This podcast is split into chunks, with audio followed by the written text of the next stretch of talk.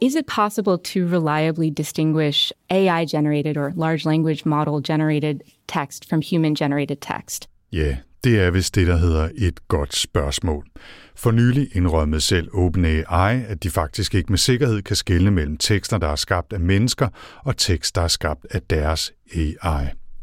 Ikke desto mindre, så er det en udfordring, som et nyt center på Aarhus Universitet har sat sig for at takle. This is AI Denmark. This is AI Denmark. This is AI Denmark. This is AI Denmark.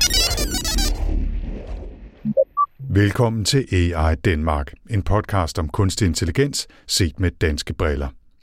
I denne episode skal vi fejre åbningen af et nyt center for forskning i sprog og kunstig intelligens. Det hedder CLAY, Center for Language Generation and AI, og hører altså til på Aarhus Universitet. Jeg har besøgt de to ledere af centret, som både fortæller om det overordnede mål og et par af de projekter, som allerede er i gang. Derudover er der selvfølgelig også korte AI-nyheder, denne gang om mere ballade om bøger som træningsmateriale og om Amazons store investering i generativ AI. Der er meget, vi skal nå, så lad os kaste os ud i det. Velkommen endnu en gang til AI Danmark. Welcome to AI Denmark. En podcast om kunstig intelligens set med dansk briller. Vi lægger ud med en lille omgang siden sidst med tre korte nyheder fra den vilde verden af kunstig intelligens. I forrige episode af AI Danmark, der fortalte vi, at tre forfattere, Sarah Silverman, Richard Cadry og Christopher Golden, havde lagt sag an mod Meta for at have brugt forfatternes værker som træningsmateriale til sprogmodellen Lama 2. Men det stopper ikke med Lama og Meta. Nu har en række forfattere af en endnu højere kaliber også lagt sag an mod OpenAI. Forfatterne er bekymrede for, at AI-værktøjer, der er drevet af OpenAI's modeller, kan skabe afledte værker og resumere deres bøger uden kompensation til forfatterne, hvilket skader bogmarkedet og måske også forfatternes ry og rygte. Gruppen af misfornøjede forfattere inkluderer blandt andet John Grisham, Jonathan Franzen, George R. R. Martin og flere andre, som altså hævder, at OpenAI's træning af deres store sprogmodeller på piratkopier af forfatternes bøger overtræder ophavsretten. Nu er der mange historier om den her sag, vi ikke kender, og det hører med, at jeg absolut ikke er jurist eller ekspert i ophavsret. Men jeg er ikke helt sikker på, hvorfor forfatterne mener, at der er tale om piratkopierede bøger i træningsmateriale. Men at det nu ligge. Uanset hvad, så argumenterer sagsøgerne for, at OpenAI kunne have trænet deres modeller kun på værker i offentligt domæne, eller betalt licensafgifter, men altså valgte ikke at gøre det. Som Ars Technica skriver, så kan retssagen have både økonomisk og principiel beslutning. Jeg er ret sikker på, at forfatterne meget gerne vil kompenseres økonomisk for brugen af deres værker, eller omvendt kunne vælge, at deres romaner ikke bliver brugt i træningsmaterialet, men der ligger også nogle principielle diskussioner her. Ligesom der har været principielle aspekter af manuskript- og tv-serieforfatternes strække i USA. Altså, hvis AI-værktøj efterhånden kan skrive i en hver stilart og efterligne måske forfatternes måde at skrive på, så vil der potentielt jo være åbnet for en syndflod af for eksempel nye AI-skabte John Grisham-lignende spændingsbøger af varierende standard, og det kan selvfølgelig gøre både forfattere og læsere nervøse. Nu kan man jo mene, at øh, lige præcis John Grisham allerede i et eller andet omfang øh, plagierer sig selv, men man må alligevel nok sige, at mange forfattere jo har en unik stemme og evner at udvikle sig måske fra værk til værk, og at en AI-efterligning nok stadig et godt stykke tid nu vil være en bleg efterligning. Hvorom alting er, så kræver forfatterne i søgsmålet, at OpenAI straks stopper brugen af deres værker i træningen af nye sprogmodeller. Spørgsmålet er så, om skaden ikke for længst er sket. Og vi bliver hos Sam Altmans lille Bix, for det er ret svært at komme udenom OpenAI, når det handler om generativ kunstig intelligens. Nogle gange er firmaet i sigtekornet for kritik, sagsanlæg og beskyldninger om alt fra dårlig service til, at de er en trussel mod selve vores civilisation. Andre gange præsenterer de selv nye features og funktioner, til synlandet relativt upåvirket af den hæftige debat og kritik. Her i slutningen af september annoncerede OpenAI således en kommende ny version af DALI, den billedskabende online hjælper. Den tredje version af DALI er ifølge OpenAI bedre sikret mod misbrug, som for eksempel at blive brugt til at lave nøgenbilleder eller racistiske billeder, men ellers er den fancy nye feature, at man kan bruge ChatGPT til at lave bedre prompts til DALI. det er måske værd lige at indsparke her, at ligesom træningen og brugen af spore billedmodeller jo koster en masse af strøm, så involverer træningen også, at tusindvis af mennesker af kød og blod skal læse og se masser af stødende, voldsforherligende, racistisk eller på anden måde grænseoverskridende materiale, så vi almindelige brugere kan blive fri. Men tilbage til DALI og alle de andre AI-værktøjer. De kræver jo ofte, at man spørger på en bestemt måde eller sætter nogle særlige rammer for interaktionen, hvis det skal fungere optimalt. Så nu kan man altså få hjælp af ChatGPT til at tweake og tilpasse sine billedønsker på en måde, så DALI måske producerer bedre resultater. Som regel vil det betyde, at ChatGPT skriver en længere og mere udførlig udgave af ens egen prompt. Man kan dog også vælge bare at fortsætte med sin egen instruktioner, hvis man tror, man kan gøre det bedre. Den nye version af DALI kommer til betalende abonnenter i løbet af oktober, men der er ingen information om, hvorvidt og hvornår eventuelt så den nye udgave kan bruges gratis.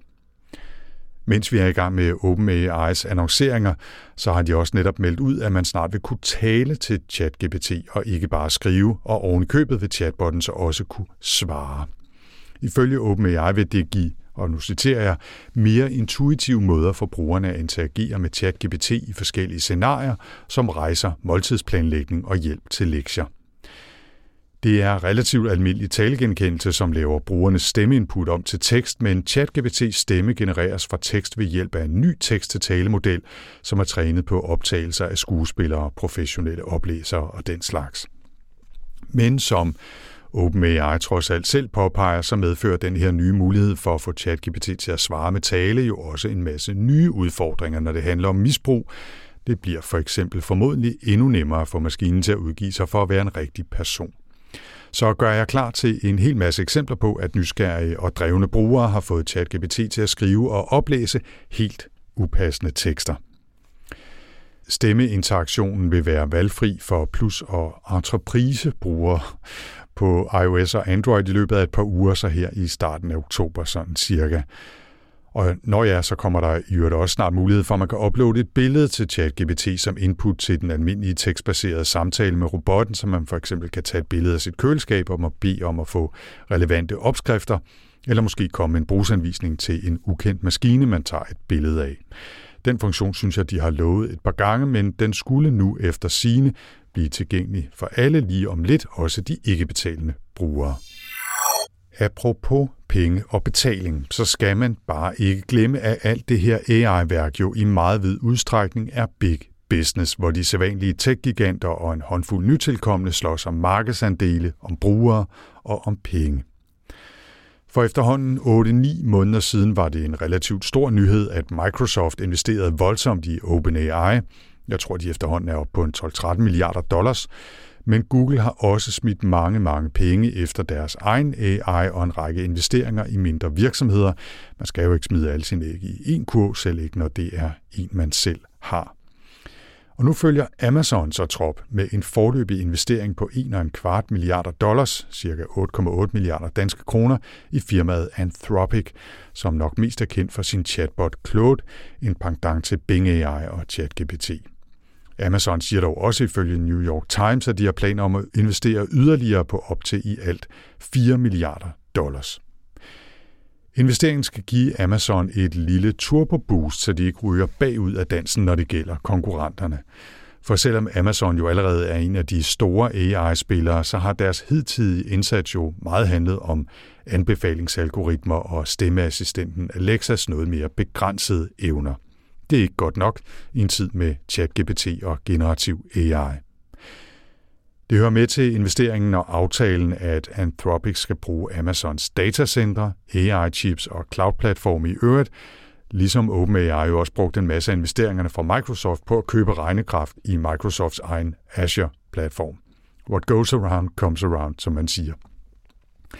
Hvis man ikke allerede er helt så bekendt med Anthropic som med OpenAI og Microsoft og Google, så kan man kort sige, at de basalt set med chatbotten Claude altså tilbyder det samme som de andre chatbots, men at de også har forsøgt at positionere sig selv som en af de mere ansvarlige aktører i at sikre, at AI bliver udviklet transparent og sikkert og med hensyn til privatliv og andre menneskerettigheder. Det var for eksempel Anthropic, som tidligere på året foreslog en løsning, hvor man skulle indbygge en slags grundlov eller etisk kompas i samtalerobotterne. Lad os se, hvor lang tid den vision holder, nu hvor Anthropic er begyndt at danse med djævel, øh, undskyld, med tech-giganterne. Så vidt denne omgang korte AI-nyheder, men I skal ikke snydes for lidt bonus heller denne gang.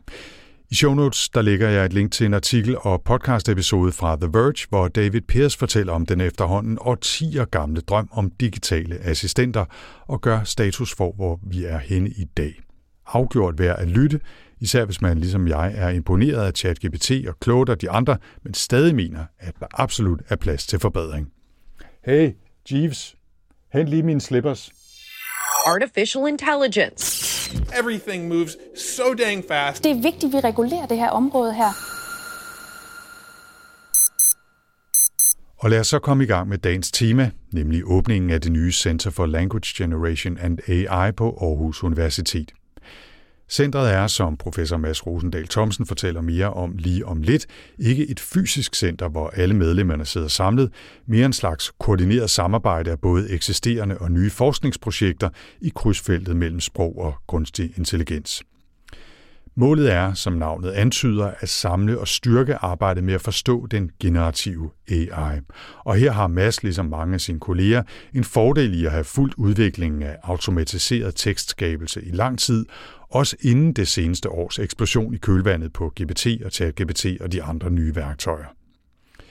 Center for Language Generation and AI, eller CLAY, åbnede officielt den 20. september med en heldagskonference på Aarhus Universitet, men allerede ugen inden var jeg over at snuse til deres arbejde og tale med nogle af folkene bag. Og jeg mødte altså blandt andet centerleder Mads Rosendal Thomsen, som her fortæller mere om baggrunden og visionen for det nye center. Jeg hedder Mads Rosendal Thomsen. Jeg er professor i litteraturhistorie ved Aarhus Universitet. Så jeg har arbejdet meget traditionelt med øh, emner som verdenslitteratur, men jeg har også haft en stor interesse for digitale metoder i litteraturen, og jeg har også haft en stor interesse for, kan man sige, sådan mere en åndshistorisk idé om posthumanisme. Og de to ting, de gør jo så, at jeg er blevet meget fascineret også af hele den her automatiske tekstgenerering. I dag der skal vi tale om det, der hedder Center for Language Generation and AI, og bare lige for en god ordens skyld, siger I Clay, eller Clay, eller CLAI, eller hvad, hvad, hvad kalder I det? Jeg, jeg siger Clay, og Clay. jeg skammer ikke folk, der, der siger Clay, eller synes, okay. det er sjovt at drille os med det. Jeg, jeg må gerne sige begge dele også. Ja. Det kan være, at vi kommer til at gøre det. Okay, men, men du, Clay, Clay er, er, er den måde, du siger det på. Godt. Kan du ikke lige introducere til det formelle? Altså, hvad er det for et center? Hvordan er det forankret her på Aarhus Universitet? Ja. Jo, altså det er et forskningscenter, som er lige blevet oprettet i juni efter en ansøgning til vores øh, Institut for øh, Kommunikation og Kultur. Øh, det er et øh, center uden mure, som man kalder det. Det vil sige, det er ikke sådan, at vi møder ind om morgenen og er, 25 mennesker, der så går på arbejde det samme sted.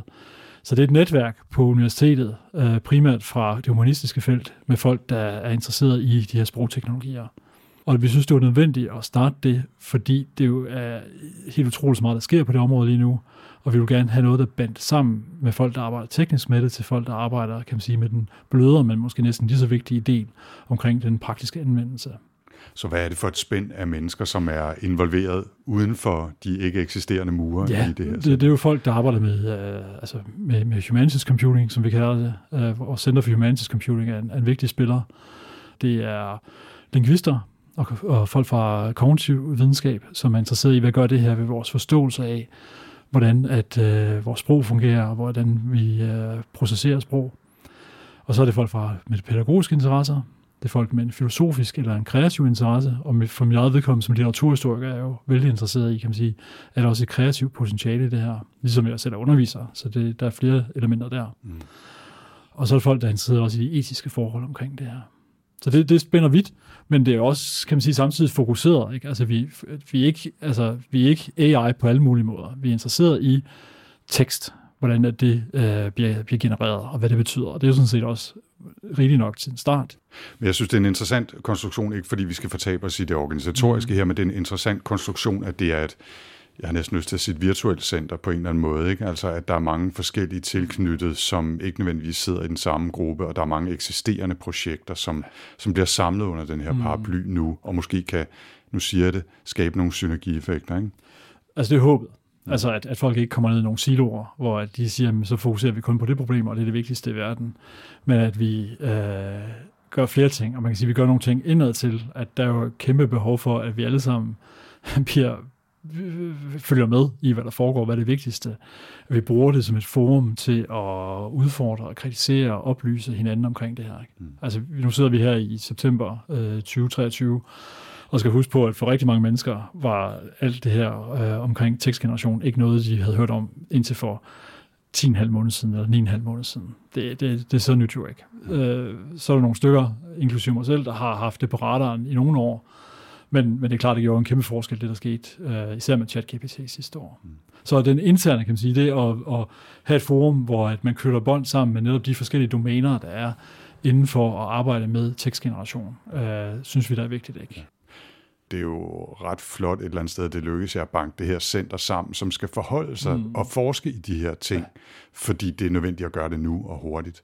Og der kunne man jo sagtens forestille sig, om vi laver et center om i 26, fordi det så tager lang tid, det tager at banke et nyt center op. Ikke? Ja, ja. Nej, men altså, vi, vi havde jo gjort noget forarbejde også, kan man sige. Ikke? Altså, jeg har selv været tilbage og kigge på, at min første reference i en artikel var i 2018 til ChatGPT, eller til GPT-2. Mm. Uh, men, men jo også, kan man sige, altså med ærefrygt, kan man sige, på den ene side, så ser jeg også, at det er altså, ekstremt høj grad af universitets opgave at følge med og være kritisk i forhold til, hvad det er for nogle ting, der bevæger verden lige nu. Uh, og det er også uh, en del af vores uh, forpligtelse, mener jeg, at være i stand til at se, hvordan kan vi gøre tingene bedre for samfundet. Er der nogle praksiser, er der nogle ting, som man kan hjælpe på med at udvikle? Mm.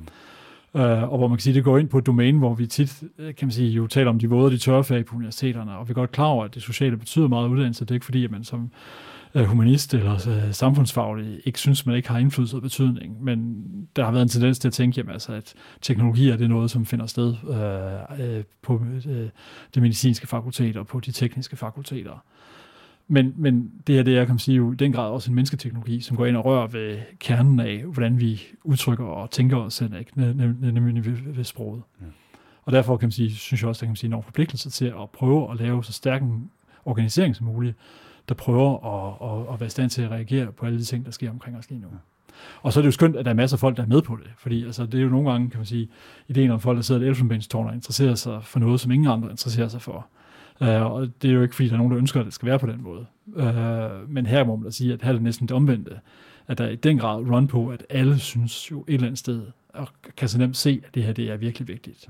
Jeg kan også sige som et lille blik bag kulissen, at for, jeg tror omkring halvandet, mm. under to år siden marts, i hvert fald. Marts 2022. Så ret præcist halvandet år siden i talende stund, der holdt du et uh, arrangement, der tog udgangspunkt blandt andet i GPT-3, mm. øh, og, og det kunne skrive nogle digte, og hvordan kan man bruge det også i kunst mm. og kultur og så videre. Det holdt du et, et, et arrangement om, jeg var til, og, mm. og vi talte meget om det, eller I talte meget om det, forskere fra forskellige øh, områder. Og selv der tror jeg ikke, der var særlig mange, der havde gættet på, at vi ville sidde halvandet år efter og have GPT-værktøjer og hvad de hedder, de andre modeller, som man kan interagere med og føle, at der sidder en eller anden i den anden Nej. ende, fordi det er så godt. Det, det er kommet så hurtigt, ikke? Altså, jeg holdt selv lidt senere på året et, et uh, oplæg på Stanford University. Jeg tror, det var 15. november eller sådan noget, uh, 2022. Uh, og hvor jeg også prøvede sådan tegn, hvad, hvad kunne der ske, og det her, det kunne måske godt blive noget, der kunne blive interessant, og så videre, ikke?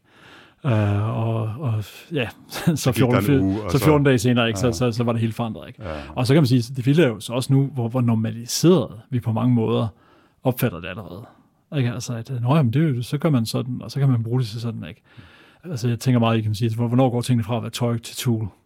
Ikke? Altså, og, og, og, og, og, når folk holder en, en tale og siger, at det er skadet af ChatGPT, det er jo allerede ved at være sådan lidt passé, at jeg synes, det er sjovt. Ja.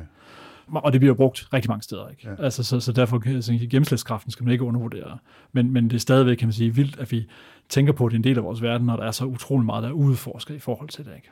Og så skal vi jo så også huske på, hvordan så verden ud for et år siden, ikke? hvordan kan den komme til at se ud om et eller to år. Jeg er ikke sikker på, at vi får et gennembrud på samme måde, den der følelse af, at det her det er virkelig skældsættende. Men der vil jo komme flere ting, som vil, vil normalisere det og udvide det på andre måder. Hvad er det for nogle ting, øh, de her mange forskellige mennesker, som er med i centret, skal kigge på, for eksempel? Altså ikke fordi vi skal dykke dybt ned i dem, øh, jeg skal snakke med nogle andre også, ikke? Mm. men altså, hvad er det for eksempel, øh, I skal kigge ja. på, eller de skal kigge på derude? Ja noget af det, som jeg synes, der er vigtigst for eksempel, ikke, det er jo at, sige, at, at for eksempel udforske øh, hele forskningen omkring, hvad du sige, og, og, og prompte de her maskiner, øh, som, som måske, måske ikke er en, en, en, en nyt form for sprog. Det er ikke kodning, men det er heller ikke bare naturligt sprog. Så det er at forstå, kan man sige, hvordan får man de bedst mulige resultater ud af at interagere med det her. Og det er jo, kan man sige, en, en pædagogisk opgave, hvordan får vi en, en, øh, en forsvarlig pædagogik ud af det, hvordan kan vi øh, undervise i det, ikke? Øh, kan vi måle, kan vi se på resultater for, hvordan at man, man videreudvikler det. Øh, udforskning af, af, af hele det kreative potentiale øh, i, i forbindelse med tænkning, i forbindelse med, med skabelse af tekster, øh, er noget, som jeg selv er interesseret i. Øh, også kan man sige, øh, nogle af de steder, hvor at, øh, øh, sportsteknologien, kan man sige, endnu har nogle, nogle begrænsninger af, hvad interesserer sig for, hvad, hvad, hvor kommer den til kort enden. Fordi drømmen, kan man sige, for nogen, og måske skrækscenariet for andre, er jo at sige, at man skal, kan, vi lave en, kan vi få den til at skrive lange tekster? Kan vi ligefrem få en, en, en, øh, en sprogmodel til at skrive en, øh, en roman? Uh, og der har de det med at, at blive dårligere uh, og ikke rigtig kunne skrive lange tekster. Så der er nogle problemer der omkring for eksempel at forstå, hvorfor er uh, long text generation et problem for nogle af de her. Så det er igen også, kan man sige, noget, som vi har fokus på at, at undersøge, og jo altså en kombination af, som altid, altså at følge med i den relevante forskning og lave egne eksperimenter, øh, at, at, at se, om man kan skubbe til, til grænserne og forståelsen for det. Mads, I er jo kun lige blevet etableret øh, som, som center, og i talende stund er det i næste uge, I har åbningskonferencer, mm. så er der nogle ja. projekter, der allerede eksisterer og har kørt ja, ja. osv. Hvor længe skal det her køre, og har I sådan nogle ønsker eller håb til, hvad for noget, der kan komme ud af det? Altså, øh, i, i store gåsøjne, er det kun forskning, mm. eller kommer der også værktøjer ud, som kommer til at møde os ude i, han har sagt, den virkelige verden? Ja, godt spørgsmål. Først, så tror jeg, det kommer til at køre et stykke tid. Man kan, man kan sige, at vi har lavet et arbejdsprogram, som kan man sige, ikke er så meget bundet op på de enkelte teknologier, der findes lige nu, fordi de kommer til at forandre sig. Så det er med nogle problemstillinger, som jeg er ret sikker på, at det nok skal blive ved med at være der, omkring pædagogik, omkring forståelse af sprog, omkring tillid, omkring øh, de, ja, netop teknologiernes foranderlighed. Og det, det tror jeg, det kan komme til at, at være lang tid, at vi kan bruge det. Altså igen, det, det er et kæmpe skift øh, i, i menneskets historie. Hvis man tager de store briller på, jeg har skrevet en lille bog, der hedder Tekst, øh, og som siger, at vi har haft skrift i cirka 5.000 år. øh, og så har vi vidst, at det var et eller andet sted øh, håndholdt, alt det vi har haft. Godt nok har været redaktører på osv., men vi kunne regne med det mennesker, der står bag. Så omkring 1950 har man haft nogle primitive eksperimenter med at lave øh, automatisk genereret tekst. Øh, og nu står vi så for, at vi kan faktisk ikke altid vide, om det er menneske eller maskine, der har skrevet det. Så det er et kæmpe skift, og det synes jeg både, man skal som kulturhistoriker stå ved. Altså, det er en kæmpe ting, det her, ikke? Og være fascineret af det, samtidig med, at man kan være skræmt af det. Og det håber vi jo på, at vi kan bidrage til på mange måder, og der er ikke nogen tvivl om, kan man sige, altså, at det at få øh, funding til de her ting, er noget af det, som, som vi søger, og vi synes selv, at vi har nogle ret relevante projekter. Uh, om det præcis bliver teknologier, der kommer ud af det, altså som, som man kan bruge som tools, uh, det er ikke nødvendigvis sikkert. Det kan også lige så meget være, kan man sige, at deltage i uddannelse, i, i brug af, af tingene, i at og, og, og, og grundlæggende at, at give folk en bedre forståelse for den måde, hvorpå at man øh, uddanner, evaluerer osv. Fordi det er jo det interessante, kan man sige, hvem der så at sige, hvem er det her for, og hvem er så at sige, på toppen af hierarkiet af, af, af de her sprogmodeller. På den ene side er der ikke nogen tvivl om, at det er en kæmpe ingeniørmæssig bedrift, som jeg som litteraturhistoriker ikke er i nærheden af at, at, at kunne gøre noget ved. På den anden side set, så er det jo nogle maskiner, der kommer noget ud af, hvor man kan sige, jamen, hvem skal evaluere, om det her det er Nobelpris kvalitetslitteratur, der bliver skrevet. Jamen det er jo så nogle andre, sagde han så og pegede øh, på sig selv. Uh, men men der, der, der er mange forskellige kontekster på det her, faktisk, at sige, hvem er egentlig i stand til at, at vurdere, øh, på hvilken måde det her det har nyttet. Og det er jo også det, kan man sige, derfor centret er så bredt, fordi at der er så mange forskellige, der er med der. Og igen, det er nogle store muskler, der kræves for at, at lave, kan man sige, ordentlige teknologier. Så det vil være, fordi der opstår nogle, nogle interessante partnerskaber, hvor man siger, at her kan vi bidrage med noget på en god måde. Og det fortalte altså her professor og ny centerleder på Clay, Mads Rosendal Thomsen. AI Denmark. AI Denmark. AI Denmark. Welcome to AI Denmark. En podcast om kunstig intelligens set med dansk briller. Mads er dog langt fra alene om at løfte indsatsen i det nye center. På min smuttur til Aarhus Universitet, der mødte jeg også vicecenterleder Rebecca Baglini, som udover de administrative opgaver også er involveret i flere af de projekter, som nu knyttes sammen i Clay.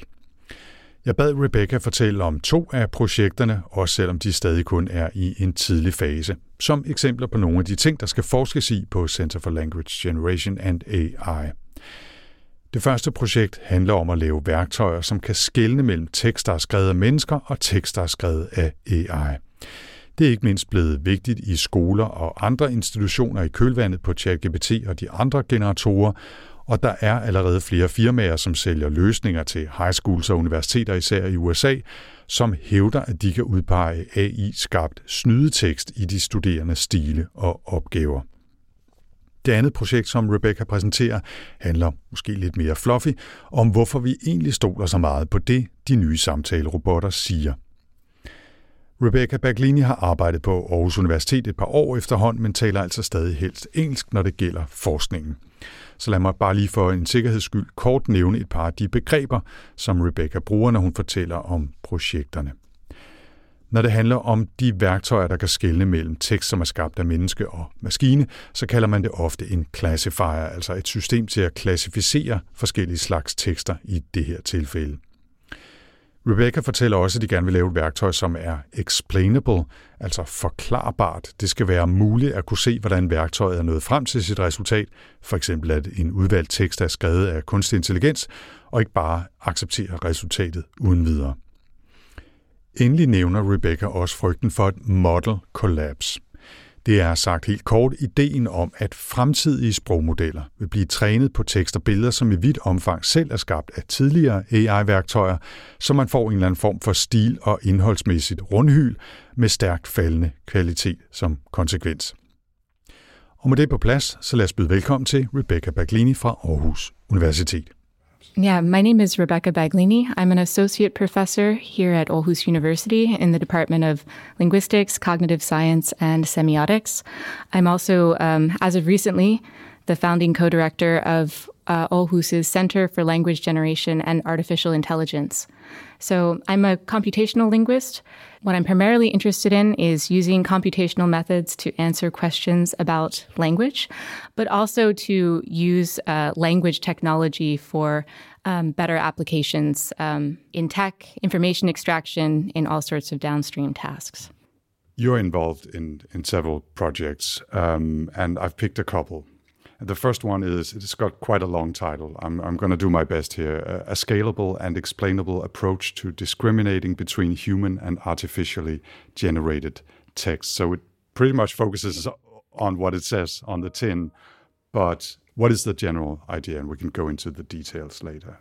So, the idea behind that is basically uh, is it possible to reliably distinguish um, AI generated or large language model generated text from human generated text. So, this is a project that's uh, spearheaded by Roberta Roca, who's an assistant professor in cognitive science. Um, and it's a collaborative project uh, that I'm part of and, and a few others. So, we want to kind of approach this question as both experts in NLP, but also as um, cognitive scientists and linguists, respectively. Um, so, there's huge pressure towards developing systems that can do this to scale right now. It's it's a big cottage industry actually. So there are a lot of tech companies that are producing software that they promise can detect uh, AI generated text, um, but they're largely uh, black box systems. So we really don't have a lot of information about how they work. Um, but one thing that, that we would like to do is to actually train the classifier in a very transparent and explainable way, um, such that we can actually see and uh, examine what features, particularly linguistic and, and cognitive features, are uh, important in making a distinction between texts humans have produced and texts that AIs have produced. Um, this is really important for a couple reasons. Um, so, uh, first of all, we think it'll make for a more reliable and scalable classifier. So we're basically going to be training this classifier um, on AI generated texts from a lot of different open source language models. So it'll be more generalizable. Uh, but another thing is the explainability part is also important for research, just general research in linguistics and cognitive science. Um, so what are these features of how um, you know, humans construct uh, language and texts, um, and how are they uh, concretely different potentially from um, what large language models are doing? to take a, a step back, Mm-hmm. why is it important to be able to discriminate between human-generated and, and AI-generated text? Might be a, a, a question. Yeah. Okay. That's a that's a great question that I sort of jumped over. But um, yeah. So there's there's a lot of pressure towards this uh, for a lot of different reasons. So there's quite a bit of anxiety right now about um, this. Uh, you know this new this new technology that basically enables us to produce very human-like, very fluent uh, text uh, using a machine. Um, so I think the area where there's most concern is probably in areas where um, plagiarism uh, is at stake. Universities, especially in the US, quite a few of them have entered into very expensive um, subscription agreements with uh, tech companies with AI classifiers that will be automatically applied to student work. Um, and so every student paper will be uh, flagged with a, you know, does it seem to be produced by an AI or so this is this is one one area, uh, but also it's um, it's also very important for um, those of us who are involved in developing large language model technology because there's a lot of concern about what happens when we start uh, training large language models on um, input that has been generated by large language models. Um, there's a whole big literature on this. There's something called model collapse that a lot of people are quite worried about, uh, but it is um, it is a big issue right now. So the first generations were pretty pretty much reliably trained on human produced content, but now we're really losing. Uh, track of this. More and more of the text that's generated is is actually not human generated but AI generated. So it could be very useful and very important for us to have a reliable mechanisms for uh, distinguishing between human and AI generated text. So, what type of material are you working with? What, what kind of data, and how are you looking at, at, at that data to try to create a transparent or explainable, Yeah. uh, scalable model for, for, for this? Uh, I think that the the design of the corpus is, is pretty ingenious. So what we have is um, a set of data sets. Some of them go back uh, quite a few years, but they're very large data sets of basically um, human texts uh, that are in response to some sort of um, task or prompt. So, for example, the start of a story, and then humans continue the story. The start of a dialogue, humans continue the dialogue. Um, a newspaper headline, and then a human summary of that. And so, basically, what we do is we're having um, we're taking a bunch of different open source large language models, um, some uh, bigger, some some larger in terms of parameter space, and then we're having those language models basically produce continuations to the same prompts. So we'll have um, this very very large, basically parallel corpus of you know some text and then a human continuation and then each of the AI continuations. So that's basically going to be the training the training data for our uh, classifier. That's uh, that's brilliant. Uh, I think Yeah. that's a very that's a very nice idea because I uh, was thinking, how do you get material that is alike Yep. and comparable uh, in a in a big enough scale that you can do that? But you've created that. Yeah, it was a, a really excellent idea that Roberta had, I guess, based on a prior knowledge of these corpora. And she had this really excellent idea for how to create a, a kind of perfect training set. So that's what we're working with. Yeah. And then in terms of actually creating the the discriminating tool, Mm-hmm. how how can you go about doing that? What, what what will you be looking for in those different types of text? Is questions that's popping up in my mind. Yeah, that's a great question. So the work is very much in progress. So we actually haven't gotten to this That's stage fair, yet. fair enough. Um, but what we're uh, planning to do is basically we're going to be using a couple of different um, existing pipelines for identifying and basically you know, marking in texts certain important linguistic or conceptual or cognitive features. So some of these will be just really prosaic linguistic things like, um, you know, verb phrase or part of speech or, um, but in the aggregate, we're going to have this kind of rich layer of uh, labeled information on top of all of the text, such that all of those can also be features um, that the classifier can learn from. And some of these we suspect might actually show us interesting and, and interpretable differences between human produced and AI produced texts. Som Rebecca forklarer, så arbejder hun og hendes kolleger altså på et system, som skal undersøge mange forskellige aspekter eller facetter af tekst.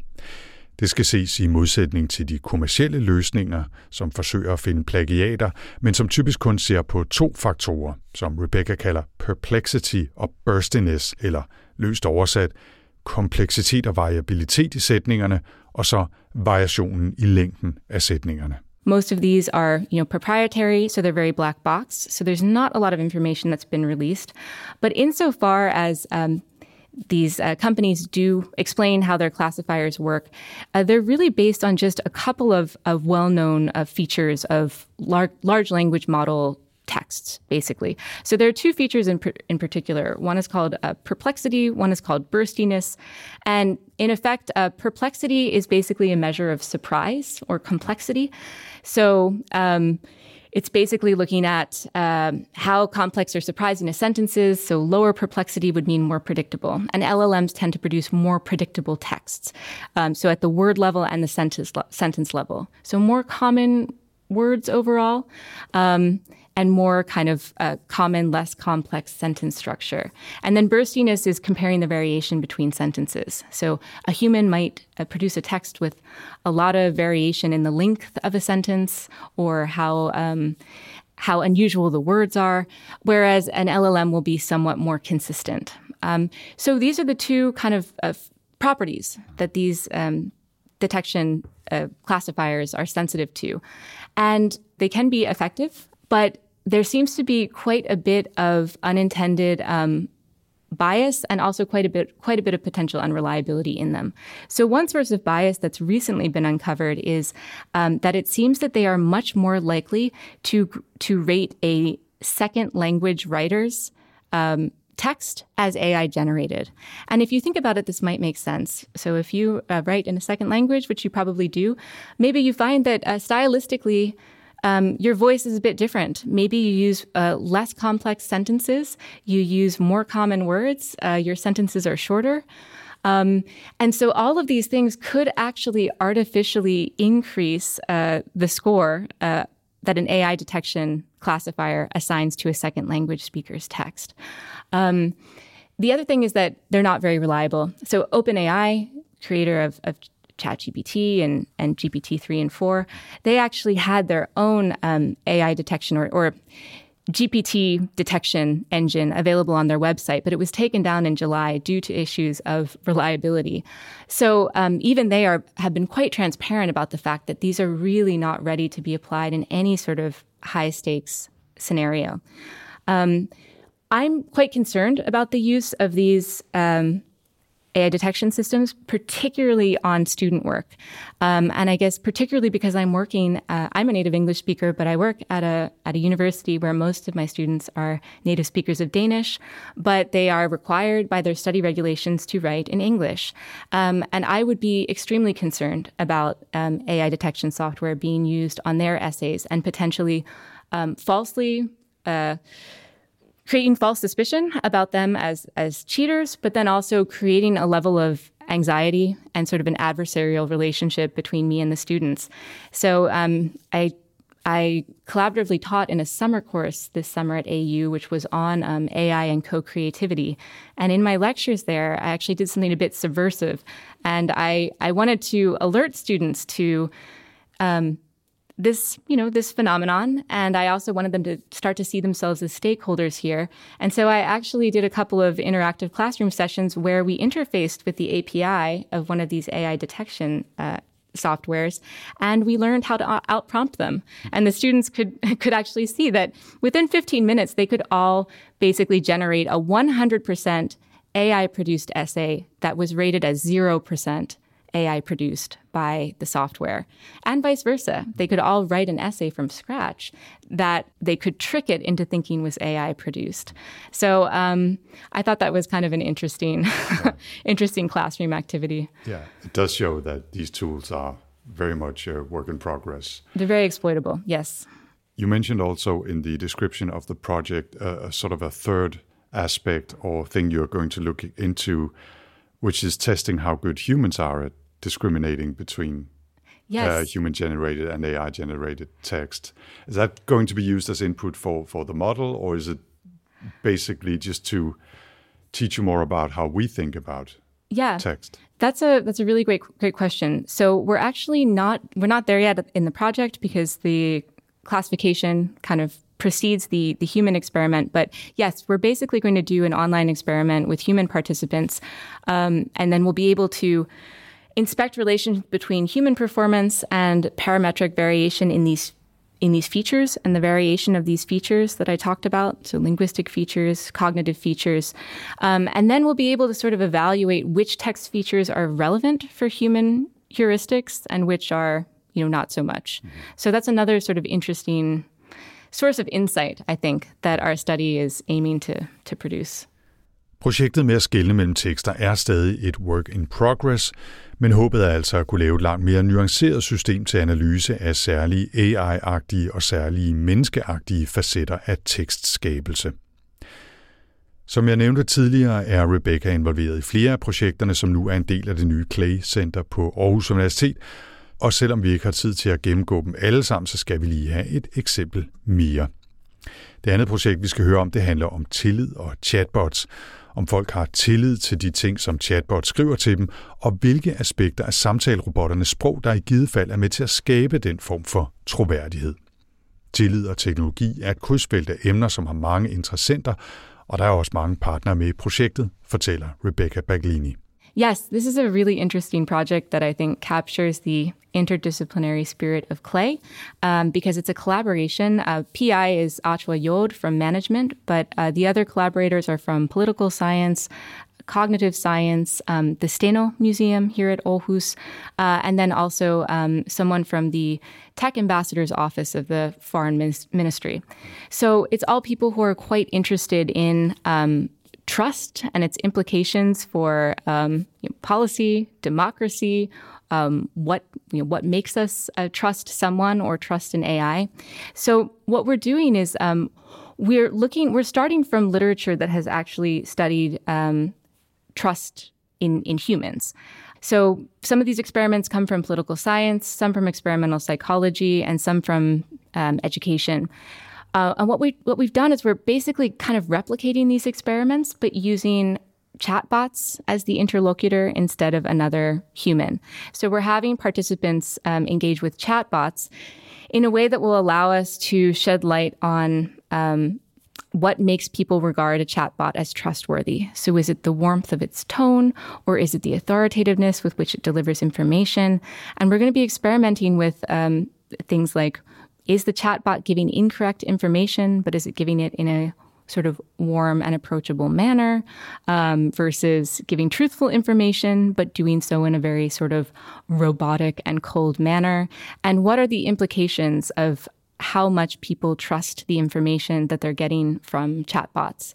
So um, we are at the phase of experimental design right now, and we're hoping to do the experiment by the end of this fall. So you'll just have to check in for an update later. Yeah.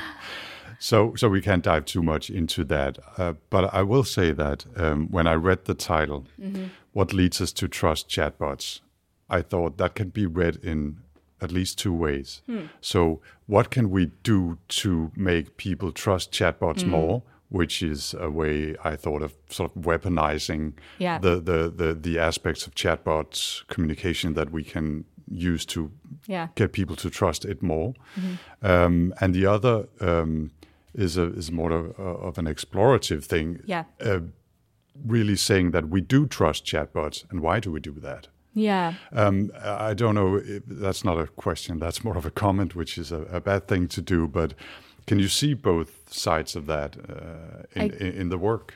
Yeah, I can. So definitely the the aim of the project is more to first of all, measure the degree to which people do trust information that they get from chatbots, but then to very carefully vary uh, certain parameters in the chatbot design and in the nature of the information. Is it accurate? Is it inaccurate?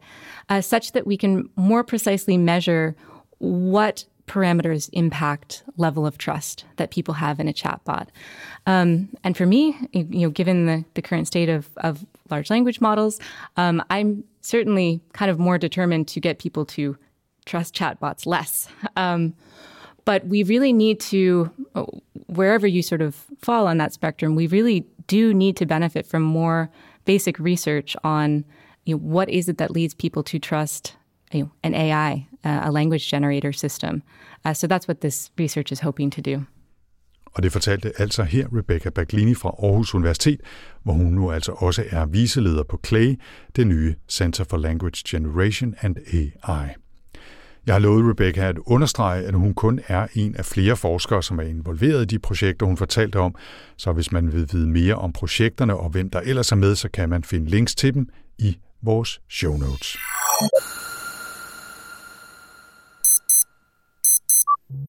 Med det slutter denne omgang AI Danmark.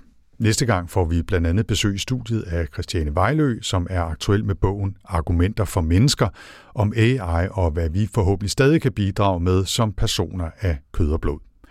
Og så kan jeg også fortælle, at vi senere vil følge op på besøget på det nye center i Aarhus, hvor professor Christoffer Nilbo blandt andet arbejder med udviklingen af en dansk sprogmodel som alternativ til de store amerikanske sprogmodeller. Hør meget mere om det snart, lige her i dit podcast feed.